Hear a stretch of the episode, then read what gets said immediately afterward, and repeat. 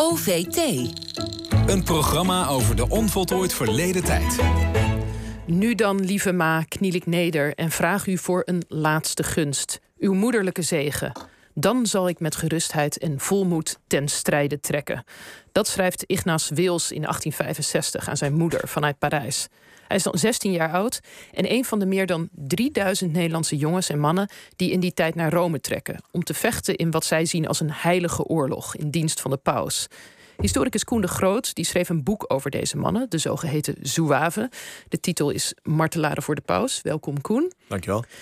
Ja, uh, dat is al iets wat, wat heel veel mensen. Er zit heel veel aan deze geschiedenis, wat ik denk heel veel mensen zal verrassen. Het eerste is misschien wel. De paus had blijkbaar ooit een leger. En dat heeft in de 19e eeuw nog een oorlog uitgevochten. Hoe, hoe zit dat? Wat was dat voor oorlog? Ja, dat is een vrij onbekende geschiedenis, inderdaad.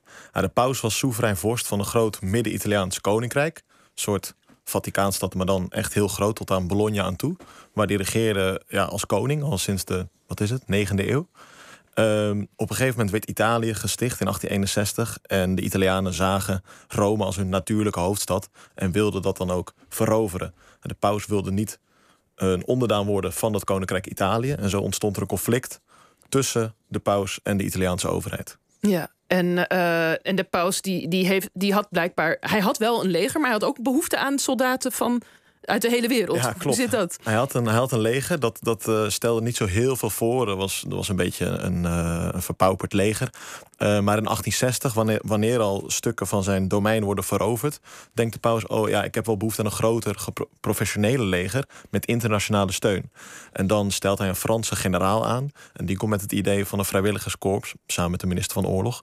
Waar dan ja, 9.500, ruim 9.500 jongens vanuit de hele wereld in dienst uh, nemen. Ja, en ik las dus net een stukje voor uit een, uit een brief van een van die jongens die dat dan uh, ja, daar gehoor aan geeft. Uh, die Ignaas Wils. Mm Weten we waarom hij nou zo graag soldaat wilde worden in het leger van de paus? Ja, hij wil heel vanaf jonge leeftijd al uh, zouaaf worden. Uh, hij is 13 als dat, als dat idee al uh, begint te komen. Hij komt echt uit een hele katholieke familie. Zit op een uh, internaat Zijn oom is Jezuïet, zijn andere oom ook.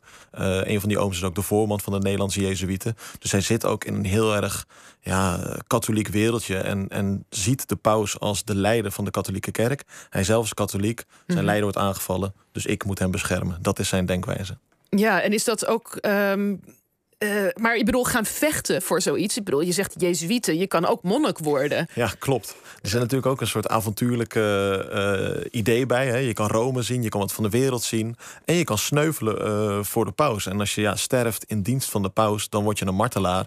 En uh, ga je naar de hemel. En het komt ook je familie ten goede. Want tot in de derde generatie aan toe is er een, uh, is er een pauselijke of goddelijke zegen voor jouw familieleden. Dat, dat, dat was dus helemaal een soort beleid, was helemaal bekendgemaakt van dit is wat het betekent als je bij zeker. ons in dat, dienst treedt. Dat voert, uh, ja. dat voert Ignaas ook aan in, in, in die brief, of in brieven naar familieleden. Van, ook aan, aan zijn moeder. Van ja, denk eens na wat voor heil en zegen het jou brengt of u brengt. Want stel ik sterf en mijn broer sterft, die ook zo was. Ja, dan komt u ook ten goede. En de hele familie. Dus je probeert op die manier zijn moeder misschien een beetje te overtuigen. Ja. Precies. Je, je zegt er waren iets van 9000 uh, mensen die uh, hier gehoor aan geven aan die, de ja. oproep. 3000 Nederlanders. Ja. Waarom zoveel Nederlanders? Ja, 9.500 in totaal inderdaad. Uh, ruim 9.500. Meer dan 3000 Nederlanders. daarmee vormde Nederland ook de grootste nationale groep binnen die zouaven. had te maken met één, het katholicisme hier in Nederland, dat erg pausgericht was in de 19e eeuw. En twee, met een enorme goede werving. Uh, dus er waren twee grote ronselaars in Nederland. Een pastoor in Oudenbos in Noord-Brabant. En een uh, pater in Amsterdam. Ja, en die, uh, die tuigde een heel wervingssysteem op. waarbij jongens dan heel makkelijk naar, naar Rome konden worden gestuurd. Ja, oké. En wat weten we eigenlijk bijvoorbeeld van deze Ignaas Wils? Wat er van hem geworden is. Ja, die, dat was echt een vechtersbaasje. Die kon niet stilzitten. Hij ging inderdaad op 16-jarige leeftijd al naar Rome. Uh, vol vuur en, en het idee van ik ga strijden voor de paus. Ja. Dan komt hij daar eigenlijk in een soort ja, koude oorlog tussen Italië en Rome. Het was niet een actief front of zo. Dus hij moest vooral wachtlopen, uh, struikrovers achterna zitten. niet zo avontuurlijk. Nee, hij was ook vaak ziek. En op een gegeven moment valt Garibaldi de pauselijke staten binnen.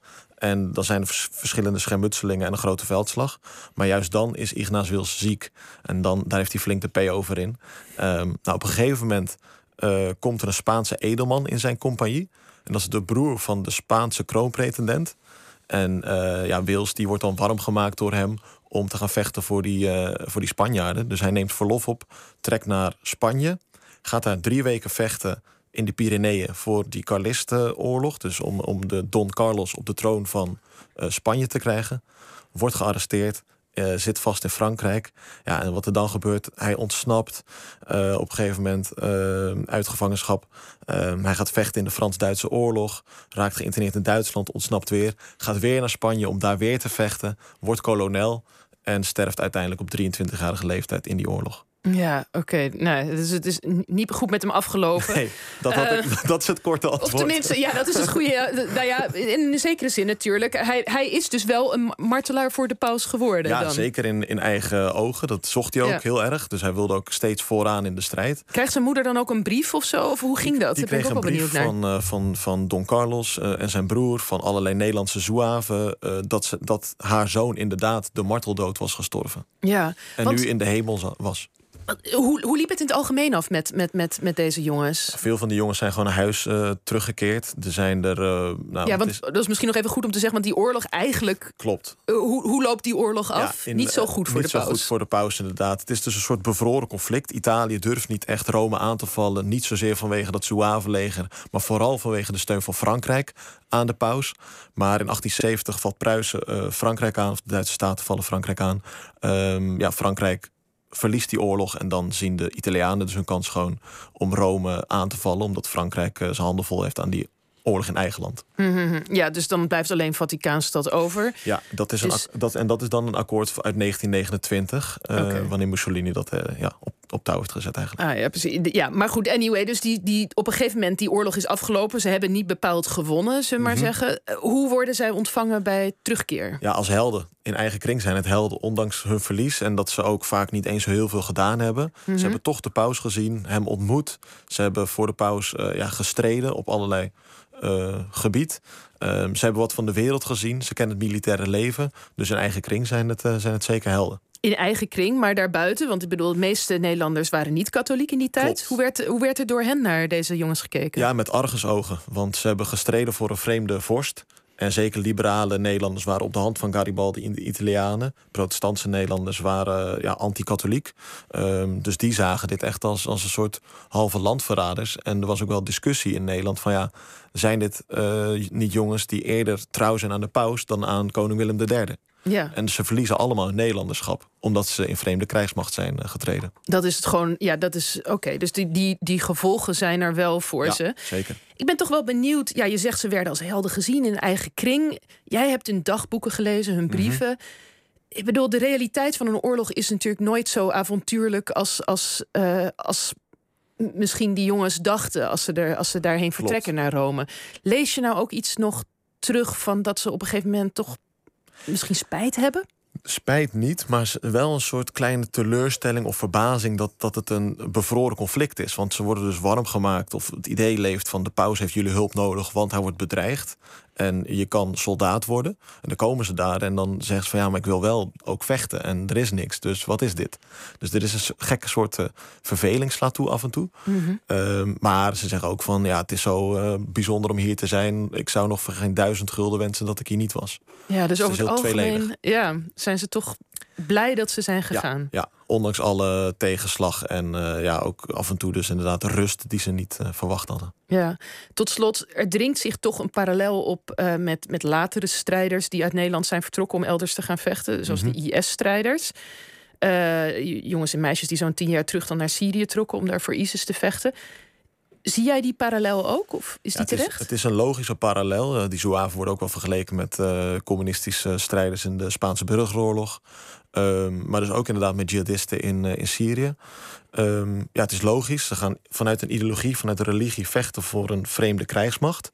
Maar dit zijn wel jongens die zich niet bezighouden met allerlei ja, terroristische praktijken, mensen onthoofden of vervolgen. Um, sterker nog, ze zetten zich ook belangloos in bij een cholera-epidemie. En dan sterven er ook drie, omdat ze allerlei cholera-lijken begraven. Wat niemand anders wil doen. Ja. Dus het is wel een, andere insteek.